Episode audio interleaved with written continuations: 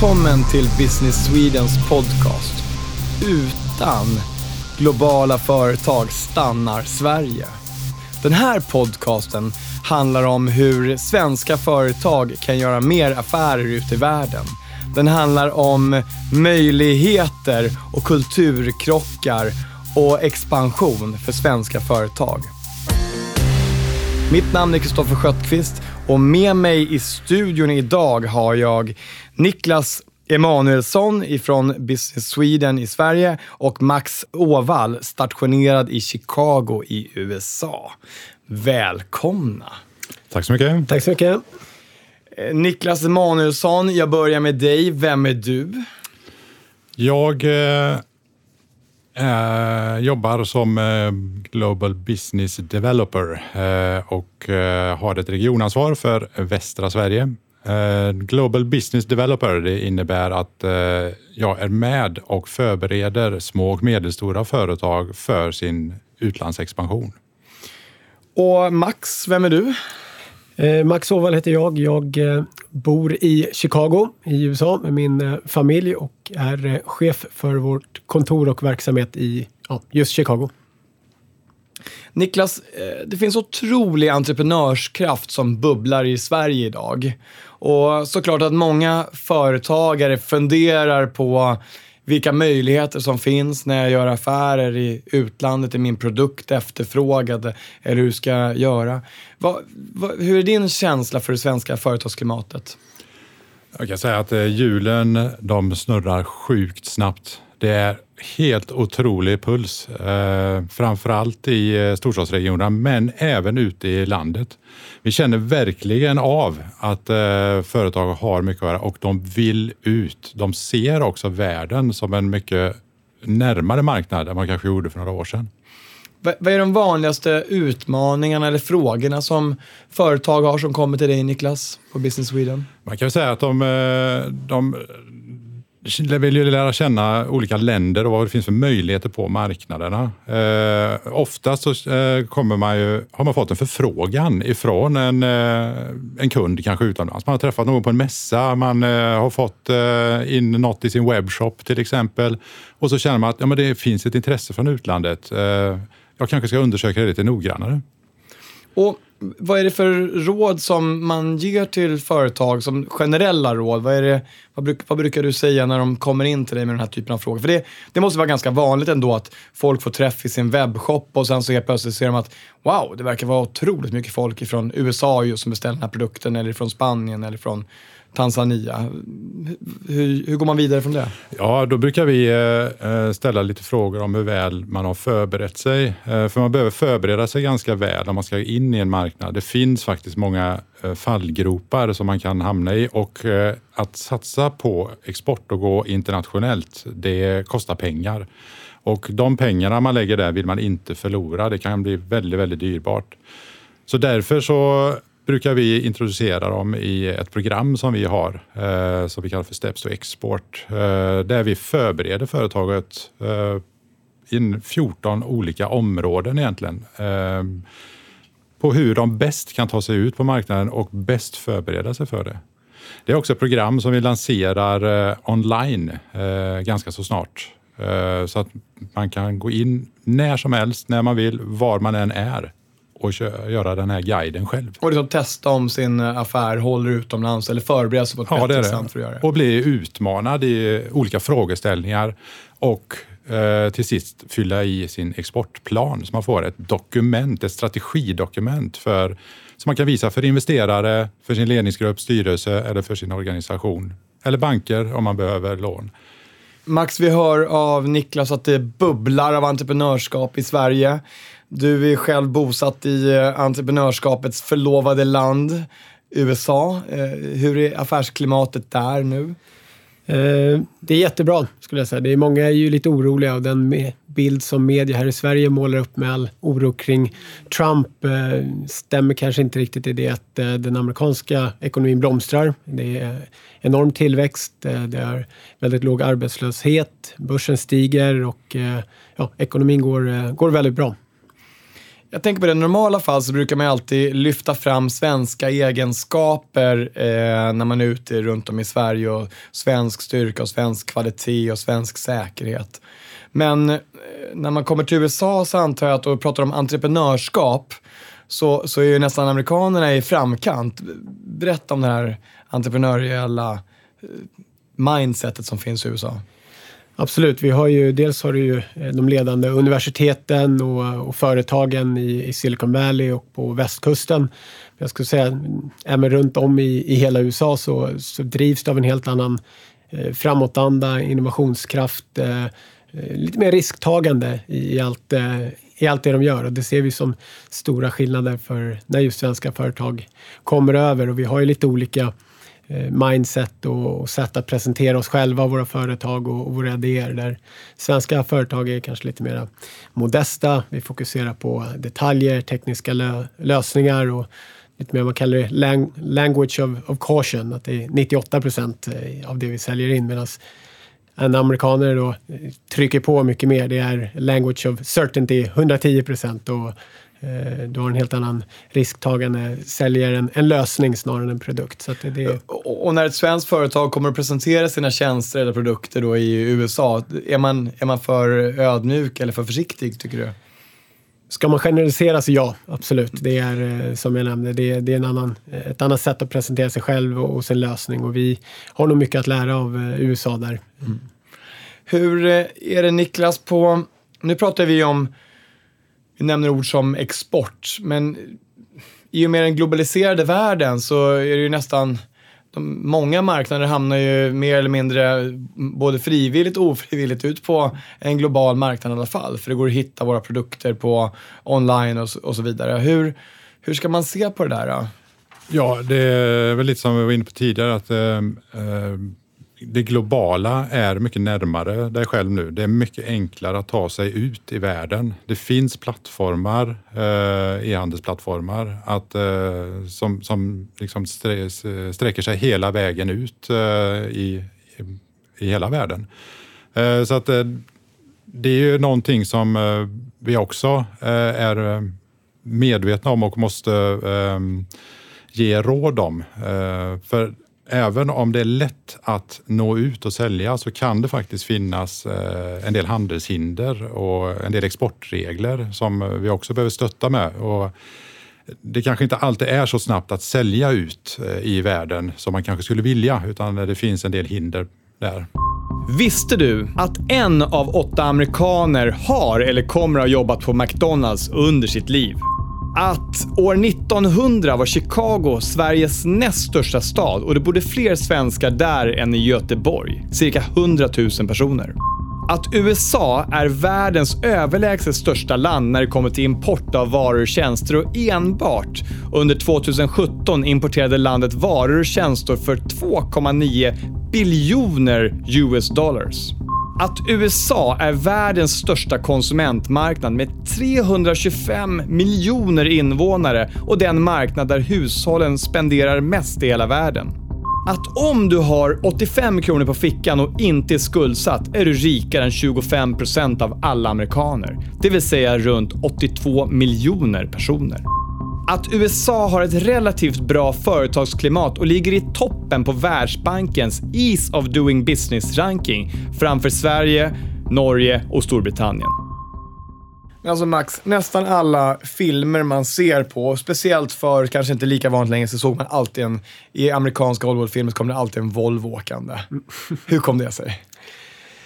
Ja, bra fråga. Eh, jag tror Volvo har ju varit eh, starkt i USA från eh, ja, 60-70-talet. Och det är väl, de positionerade sig mer som en, en säker bil och var väl ett av de tidiga företagen att kanske vara i en annan eh, segment eh, än vad de är på hemmamarknaden. Det var mer familjebil, mer säkert. Eh, Volvo Villa Vove. Eh, Medan i USA så var det mer av en premiumbil. Eh, så det, det är väl ett tydligt exempel på hur du kan positionera dig på olika sätt på olika marknader. Jag tänker på, det finns ju otroligt mycket produkter och tjänster som helt plötsligt bara tar fart i en viss region. Man, man kan nästan inte förse vad som hände. Det var, jag tänker på för 15 eh, år sedan i, på Stureplan så gick alla runt i Canada Goose-jackor. Eh, och de kommer hit från Kanada och tror nästan att det är ett skämt när de går runt här på Stureplan och märker att alla går i deras kläder. De tror att det är skådespelare som går runt här.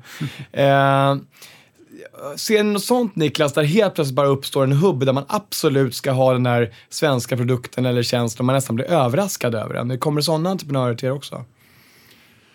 Eh, ja, det gör det. Och eh, vi ser väl en eh, sån eh, boom eh, i livsmedel nu för tillfället. Där eh, svenska livsmedel, det har ju varit skandinavisk design, har ju varit en del som har sålt. Eh, men nu är det mycket, väldigt mycket livsmedel som vi säljer. Och där har vi också initiativ och vi, vi följer trenderna även i USA. Där, där vi ser att, och vi har haft några event där, där vi har promotat svenska företag och det har blivit väldigt, väldigt väl mottaget. Hur är det med svenska produkter i USA, Max? Vad, vad är det som man ser, känner igen och säljs? Det är klart man ser Ikea där och, och Spotify eller olika typer av digitala tjänster. Vad, vad är det mer man ser av svenska produkter och tjänster i USA? Alltså det som är lättast kanske som konsument att relatera till det är just de, de du nämner, konsumentprodukter. Det är olika varumärken, svenskt mode eh, har gått väldigt starkt. Eh, svensk mat och dryck eh, finns det ett sug för, men även vi har sett nu på senare år tack vare många digitala företag att eh, just på, på den digitala resan, mediebyråer, eh, reklambyråer, contentbyråer och liknande kommer väldigt starkt och har ett väldigt bra renommé i, i USA. Så det är kul. Ja, är inte det lite oväntat att just svenska kommunikationshus då lyckas så bra i USA? Ehm, för att det är ju ändå på något sätt även det förlovade landet av marknadskommunikation. Absolut. Det är, vi har ju ställt oss samma fråga, och, men det är, det är nog en kombination av eh, många saker. Dels att man, eh, det är ju som Niklas säger, en global värld, så man är ju mer eh, global i sitt tänk och det är lättare att applicera och komma in på en ny marknad. Eh, sen tror jag vi kan backa upp mycket av det som amerikanerna boastar sig själva i pitchar och liknande. Där, där kan vi faktiskt leverera på ett annat sätt och över tid så, så kommer det att vinna. Eh, sen så ser vi också mycket, eh, som jag nämnde, det är lättare att relatera till de här konsumentprodukterna, men inom även den tillverkande industrin så är svenska underleverantörer eh, väldigt starka och det har ju mycket med, med den kvalitet och industrihistoria som vi har. Man har också hört bolag som faktiskt har gått på pumpen i USA. Eh, mjukvaruföretag som har gått ut och försökt sälja sitt ERP-system och USA-satsningen vart det sista. Mm. Eh, berätta, vad, vad, rent klassiskt finns det också en, en stort svart hål där. Det kostar mycket pengar att komma ut i USA. Absolut. Nej, men det finns ju några klassiska fallgropar som man gör. Den första skulle jag säga är att man måste vara väldigt fokuserad. Eh, många företag säger att ah, nu ska vi gå in i USA, men det är ungefär som att säga att ah, nu ska vi gå in i Europa. Eh, det, är ju så enormt stort land så att du måste vara väldigt fokuserad, antingen en geografisk region eller mot en målgrupp, eh, vilket många tyvärr inte är. Eh, sen så naturligtvis eh, den legala delen, det är ett helt annat legalt eh, rättssystem i USA och där ser vi att man Eh, vikten av att välja en lokal partner att jobba med en eh, lokal jurist eller försäkringsförmedlare. Eh, det där har vi många skräckhistorier när man själv kanske tagit ett svenskt avtal tryckt in det i Google Translate och trott att man är klar eh, och det har fått förödande eh, konsekvenser eh, tyvärr. Många pratar även om att eh, det är lättare att göra affärer i vissa branscher och sätta upp dotterbolag eller olika typer av företag i USA som är, som är amerikanska och göra affären mellan det svenska och amerikanska företaget innan det, för amerikanska företag gör affärer där. Hur, hur, ser det ut, den strukturen? Jo, men det skulle jag säga. Det är, du vet, genom att ha ett eh, lokalt eh, företag så signalerar ju ett eh, ja, commitment till marknaden att du är här, du, är, du har närvaro, lokal närvaro. Det ska jag säga är en av de viktigaste aspekterna för att lyckas eh, i USA, eller jag tror det gäller alla länder. Eh, och många amerikanska företag eh, tycker det är lättare och enklare att göra affärer med ett annat amerikanskt bolag. Sen om det drivs av svenskar eller inte, det, det är inte lika viktigt. Men allt när det kommer till att förhandla, eh, köpa varor, och sälja varor. Eh, så att en lokal närvaro är, är väldigt viktigt och det har vi sett eh, många exempel på. Niklas, eh, när ni jobbar med startups, eh, då ligger ju för många startups som ska gå ut och ta in investeringar så ligger ju en internationell expansion i deras affär. Eh, mm. hur tittar man på startups som i stort sett ligger i, i fasen där man drar igång och knappt har produkten eller prototypen framme? Vad ger ni för råd för dem när de ska gå ut och det är klart det är olika branscher men... Vi jobbar ju med, tillsammans med inkubatorerna i Sverige. Eh, så den stora delen i den fasen tar ju inkubatorerna. Så när inkubatorn sen känner att det här företaget är redo för att växla upp internationellt eh, och eh, de här företagen de kallas ju ibland för Go Globals eller Born Globals. De ser inte en, mark de ser en marknad kanske man ska säga. De ser inte flera marknader utan världen är en marknad. Eh, där, och vi vet att de här bolagen de lever i en liten annan, har en annan situation som lever i en lite annan värld. De har inte finansiella medel för kanske mer än tre till sex månader framåt. Eh, och därför har vi anpassat ett speciellt program för de företagen som är kort, intensivt och väldigt kärnfullt. Vad är det för I, frågeställningar som ni behandlar då? Eh, framförallt så vill vi att de ska titta på datadrivna beslut. Eh, så vi hjälper dem att ta fram data. Eh, vi tittar på finansieringsmöjligheter och eh, sen hjälper vi dem att hitta eh, samarbetspartners och eh, vad ska vi kalla det för innovations kontakter ute i världen. Så vi har samarbete med ett antal inkubatorer ute i världen där alla våra företag som går det här programmet är välkomna. När man ser och tittar på svenska företag och intervjuar svenska entreprenörer så blir man oftast överraskad över hur otroligt mycket framgångssagor det finns runt om i världen. Små svenska bolag som kommer in i Silicon Valley i USA eller gör ett samarbetsavtal med GE och eh, får enorm eh, hävstång på, på sådana typer av samarbeten.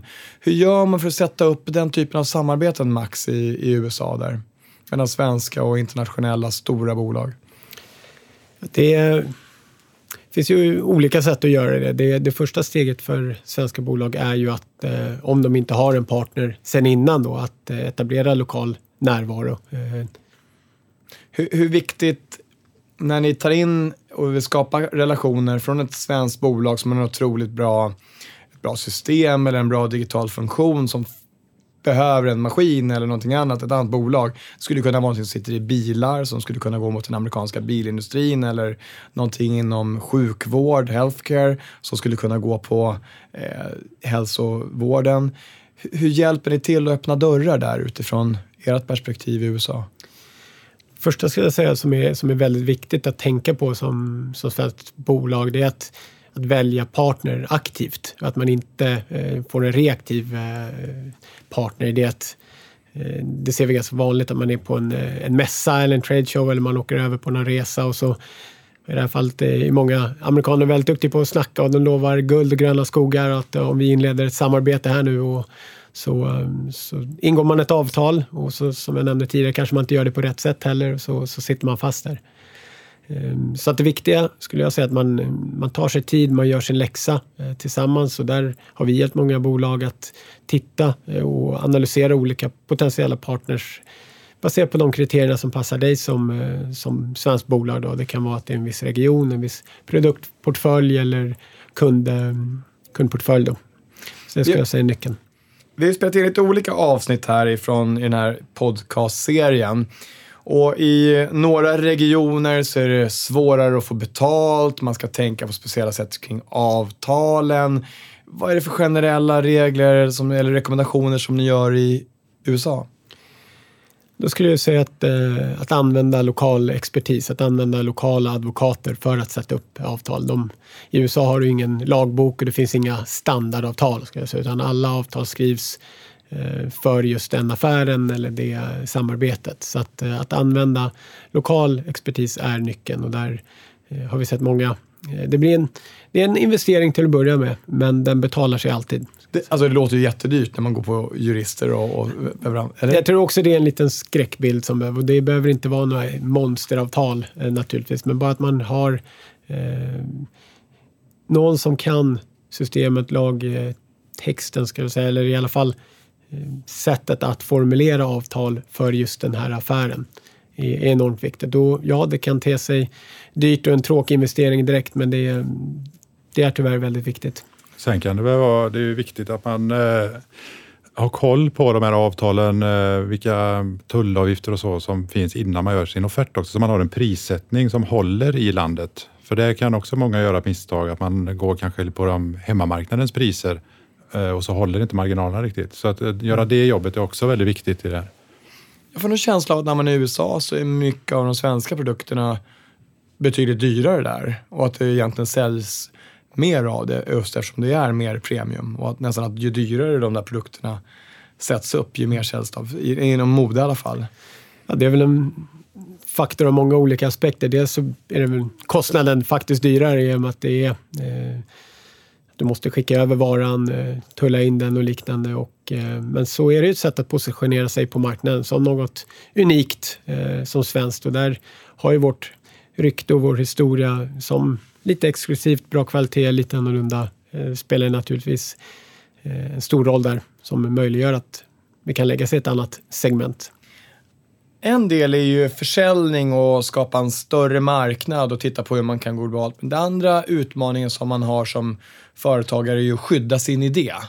Eh, rent patentmässigt eller juridiskt. Och det där är ju alltid en oro när man som ny företagare ska gå ut på marknader där man är orolig för att bli kopierad eller av... Hur, hur värjer man sig från sånt, Niklas? Eller vad är det man har för rekommendationer där? Det finns lite olika. Eh, dels är det ju naturligtvis att söka patent. Eh, det är en lång process och den kan vara rätt så kostsam också. Och det finns risker med det, eh, även med det och det är att när patentet är pending som det heter, inte beslutat om, då syns en del av den här lösningen redan för konkurrenter. Ett annat sätt är ju att bygga in, eh, dels har du ditt varumärke du skulle kunna ha, men som ett mindre bolag så kanske du inte är så känd på marknaden. Men annars kan du bygga in i din teknik saker som är svårkopierade. Eh, man kan också leva i eh, en förändlig värld och vara en entreprenör och hela tiden vidareutveckla sina produkter och tjänster så att det blir svårt att kopiera det. Och det kanske är den, det vanligaste sättet egentligen, att man hela tiden är agil och utvecklar sitt tjänsteutbud och produktutbud för att vara ett steg eh, ifrån konkurrenterna. Naturligtvis så handlar det mycket om relationer eh, till kunderna också. Men det är inte alltid patent som är lösningen utan det finns många olika alternativa vägar. Max, jag pratade för ett tag sedan med eh, Håkan Lans, eh, uppfinnare och superentreprenör från Sverige. Han, han var inte så nöjd med att sitta i rätten och eh, försvara sig i olika patentstrider i USA. Eh, hur ska man göra för att undvika att hamna där? Nej, återigen så är det ju vikten av att eh, använda sig av eh, lokal expertis och i det här fallet då kanske advokater att just eh, varumärkesskydda eh, sina varumärken, sina produkter, ansöka om rätt patent och, och skriva eh, korrekt avtal från början. Det kan, kanske låter lite, lite tråkigt men det, det, det är någonting som är väldigt viktigt som behöver göras och som man gärna inte då ska vänta med utan att man gör från början och att man tar de investeringarna och gör sin läxa från början. Och det, det är väl också någonting som man bör då som svenskt företag tänka igenom innan man går in i USA. Att är vi villiga att, eh, att eh, satsa den här tiden, de här pengarna eh, för att att gå in i USA och lansera det, det är inget man gör med vänsterhanden så att säga, utan du måste ha ett, en vilja och en ambition från början. Det som vi vill förmedla här gång efter gång, det är ju att förbereda er och det finns hjälp att få att förbereda sig. Absolut. Så det, det, är faktiskt väldigt, väldigt viktigt om man vill lyckas. Så eh, nu sitter jag med er här, experter på globala affärer. Jag tänkte ändå ta, fråga er om några sista tips här. Eh, eh Niklas, du har bott i USA och startat fabriker i Mexiko tidigare. Berätta.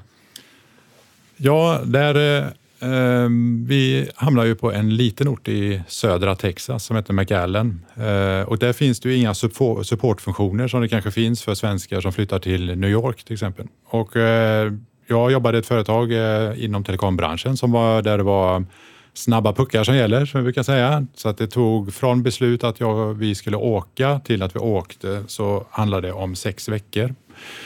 Eh, så familj, jag tog med familjen över och eh, när vi kommer dit så upptäcker vi att vi måste, ju, vi måste ordna allting själva. Vi, vi fick ett ställe att bo på naturligtvis, för det hade jag scoutat tidigare. Men sen tog det oss ungefär tre månader att eh, komma igång och leva ett normalt liv eh, där. Eh, vi kom dit på vinterhalvåret i februari och eh, vi var överlyckliga över att det fanns en pool i området så vi kunde bada. Men den öppnade inte förrän april, för det var för kallt. Det var bara 22 grader. Och det där var ju liksom en liten eh, eh, kulturell sak där vi från Sverige tycker att 22 grader är svensk sommar. Det är ju varför inte ha det öppet då? Ni satt i shorts och kom med badbyxorna och handduken under armen. Ja, men det var lite så att vi, eh, alltså jag, jag vet på hösten eh, senare det året så var det något liknande i temperatur då. och då gick jag i t-shirt och så kommer min granne i skinnjacka då. Så att eh, han tittade väldigt snett på mig. Så att eh, det, var, det var inte vi som var normala där, så kan man väl uttrycka sig då. Max, har du varit med om några skillnader eller kulturkrockar eller olika saker som vi bör tänka på när vi gör affärer i USA? Ja, en klassisk eh, sak är ju i, i förhandlingar eh, i USA där vi varit flera gånger med, med svenska bolag och man själv också att vi, vi svenskar är ju eh, lite mer rättvisa i våra eh, prisbild och går in och, och ger det bästa priset direkt eh, medan amerikaner är ju väldigt mycket mer för att eh, förhandla fram bra deals. Så de lägger ju ofta på ett påslag på kanske 30 procent för att sen ge en rabatt för eh, eh liknande summa så du kommer ändå till nollspel. Så det har varit eh, många förhandlingar när man var ny då, som man kanske har antingen förlorat på grund av att man inte hade tagit det här i beaktning eller att man eh, har gett ett för lågt pris från början som, eh, där man kunde ha fått betydligt mer, mer betalt. Eh, sen har vi andra historier som mer på det personliga planet just med körkort och de här kulturkrockarna. Det är ju, när jag kom till USA först så tänkte man att ja, men nu, nu ska jag ta amerikanskt körkort här för att verkligen vara en del av det, av det amerikanska samhället. Och det, som svensk är det en väldigt eh, stor grej vi pluggar på. Det är tjocka luntor, det är det största som kan hända eh, som 18-åring. Men eh, i, USA är det det svåraste för mig att ta körkort var den administrativa delen. Eh, det tog väl eh, fem gånger så lång tid som själva, själva proven. Att det var olika räkningar som skulle in till eh, Trafikverket för att bevisa att man bodde där man bodde. Och man skulle till tre olika platser och få olika stämplar. Eh, medan sen själva, själva provet, det var syntestet. Då skulle man luta sig fram. De frågade, ser att du blinkar till höger? Ja, ser att du blinkar till vänster? Ja, hade jag inte gjort det så vet jag nu eftersom du frågar om det. Sen var ju teoriprovet var väl då man skulle läsa någon bok på 50 sidor och sen tog man sin hyrbil ut till uppkörningen och körde upp där och sen tog man hyrbilen hem även om man hade klarat eller inte klarat provet. Som tur var gjorde jag det. Så. Hur är det med checkar? Är det fortfarande betalningsmedel i USA? För det var det när jag var där för, när det var tio år sedan. Då. Checkarna lever kvar. Det är, de har gått ifrån det mer och mer men det är fortfarande ganska vanligt som betalningsmedel. Och jag skulle säga hela Delen i USA ligger väldigt långt efter. Det är knappt som man tror att det är, det är sant. Det är, när du kommer som, det är ett problem som jag både hade själv och som många svenska företag har att just öppna bankkonto i USA. Och det är lite moment 22 där också att eh, du ska ha en kredithistoria för att kunna få ett kreditkort. Men för att kunna bygga upp en kredithistoria måste du ha ett kreditkort eh, eller köpa av det. Så att det, eh, det är väldigt svårt att, att komma in där så att säga. och därför har många butiker liknande erbjuder med skyhög ränta för att du ska börja betala av där. Och det, du får nästan bättre kreditscore om du, om du är sen med betalningar för då visar de att här, här finns det möjligheter att tjäna pengar. Så att, eh, jag hade väldigt svårt att få um, ett kreditkort tills jag tog ett bilån billån och fick avslag på det. Eh, för att jag inte hade någon kredithistoria. Men efter det då började det ramla in kreditkortsansökningar i brevlådan så att då löste det sig. För jag hade problem med att, att föra över pengar från USA till mitt svenska konto. För jag hade fortfarande räkningar som eh, fanns i Sverige. Så det tog två månader för mig att få över pengarna. Och då så det började komma lite inkassokrav och sånt där. Så jag fick be mitt svenska företag att betala in förskott på mitt svenska lönekonto. För att sen efter två månader backa tillbaka pengarna. Och då fick jag reda på att de var i Norge. Och då flög de hela vägen över Atlanten igen. Så det tog ytterligare en månad innan de var tillbaka eh, på mitt konto i USA. Där. Eh, Så visst kan det vara lite krångligt med just med betalningar i USA. Absolut. Niklas, hur ser ditt drömuppdrag ut en dag på jobbet i Göteborg på Business Swedens kontor? Vad som, när någon ringer och så, så du bara yes, nu kom frågan in. Ja, det är ju när du får eh, ett bolag som är eh, rätt väl förberett, eh, känner där de har med sig hela ledningsgruppen, eh, där man eh, har en, en rätt så eh, schysst plan eh, frammejslad, eh, där vi kan hjälpa till lite grann och sen eh, se att den här produkten är ju så fantastisk så att den kommer att slå stort eh, internationellt och då får man ju hjärtat att slå lite extra eh, naturligtvis. Det är, det är en så himla skön känsla eh, att sitta där med de här företagen som har ambitionerna, viljan, man ser verkligen att eh, det här är en bra produkt. Den är disrup disruptiv, alltså den är, eh, bryter marknaden på något sätt. Och så börjar försäljningen ta fart. Och kunna följa de här företagen under ett till två år och, och vara med och stötta där. Det ja, det är verkligen, verkligen en skön känsla. Max, hur är dina drömscenarion? Vem, vem, vem är din drömkund som knackar på dörren? Jag får väl hålla med Niklas lite där att just eh, när ett företag har ambitionen och viljan att eh, fokusera och gå lite långsiktigt in på, eh, på marknaden. Och det är klart det är ännu mer spännande om det är en, eh, en produkt som eh, man tror kan fungera väldigt bra på marknaden och som man själv kanske också tycker är, är spännande. Eh, så det skulle jag säga. Och just där, känslan med att hjälpa till och se, se varandra som en samarbetspartner som kan växa på den här nya marknaden. Och det är ju lite kittlande egentligen att tänka på den, de möjligheterna som finns i USA som är världens största marknad, världens största konsumentmarknad där eh, eh, ja, du behöver inte ta många procentandelar som svenskt företag för att eh, nå en enorm försäljning. Så att, eh, och se de kornen som man tror på kan växa, det, det är väldigt spännande. Och företag som verkligen vill ha hjälp. Ja, det behöver inte bara vara av oss, utan det kan vara av andra också. Men de, de lyssnar verkligen. De vill ha hjälp.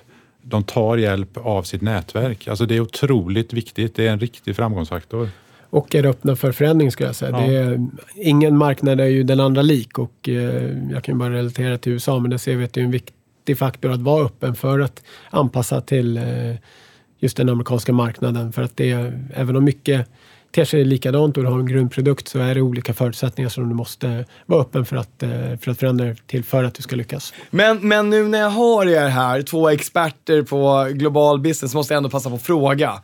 Eh, har ni några smultronställen? Max, du i, i USA, berätta. Var vad, ska man gå och äta de bästa hamburgarna någonstans? Eller vad händer?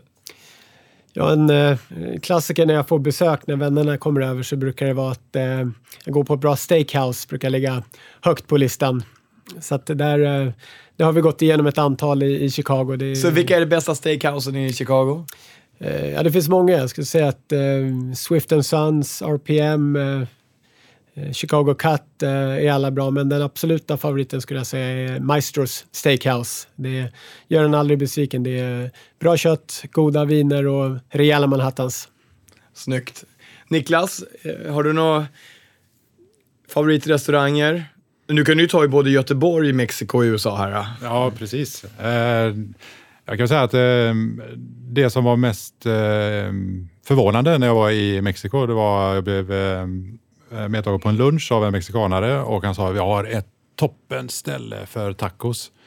Så vi åkte in i, i stan och eh, vi kommer till ett ställe med plaststolar och eh, utan fönster med bara en eh, markis ut och eh, så har de såna slow cooking eh, kantiner där.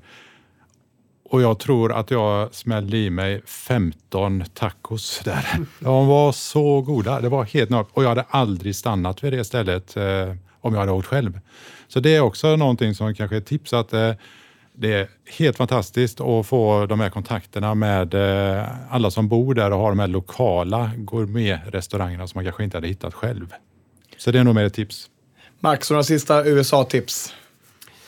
Jag är lite sportnörd sådär, så jag skulle väl eh, tipsa alla att, eh, som kommer till eh, någon stad där det finns sportlag att eh, besöka det. Och det är inte bara att den, de bästa idrotterna finns det, utan själva eventet, upplevelsen är de ju enormt bra på. Allt från eh, nachos och, och maten de serverar på arenan till eh, överdåniga nationalsånger och, och kisscamps på arenan. Så att, eh, att gå på, på live-idrott i USA skulle jag säga en, ett hett tips. Och det är baseball, basket, American football, eller vad är de största? Ja, det är, amerikansk fotboll är väl absolut störst, ska jag säga. Men även beroende på stad så är väl både hockey, fotboll och, och baseball eh, tillsammans med basket de stora. Niklas Emanuelsson och Max Åvall, tack så hemskt mycket för att ni besökte studion idag och delade era erfarenheter med våra lyssnare. Tack för att fick komma.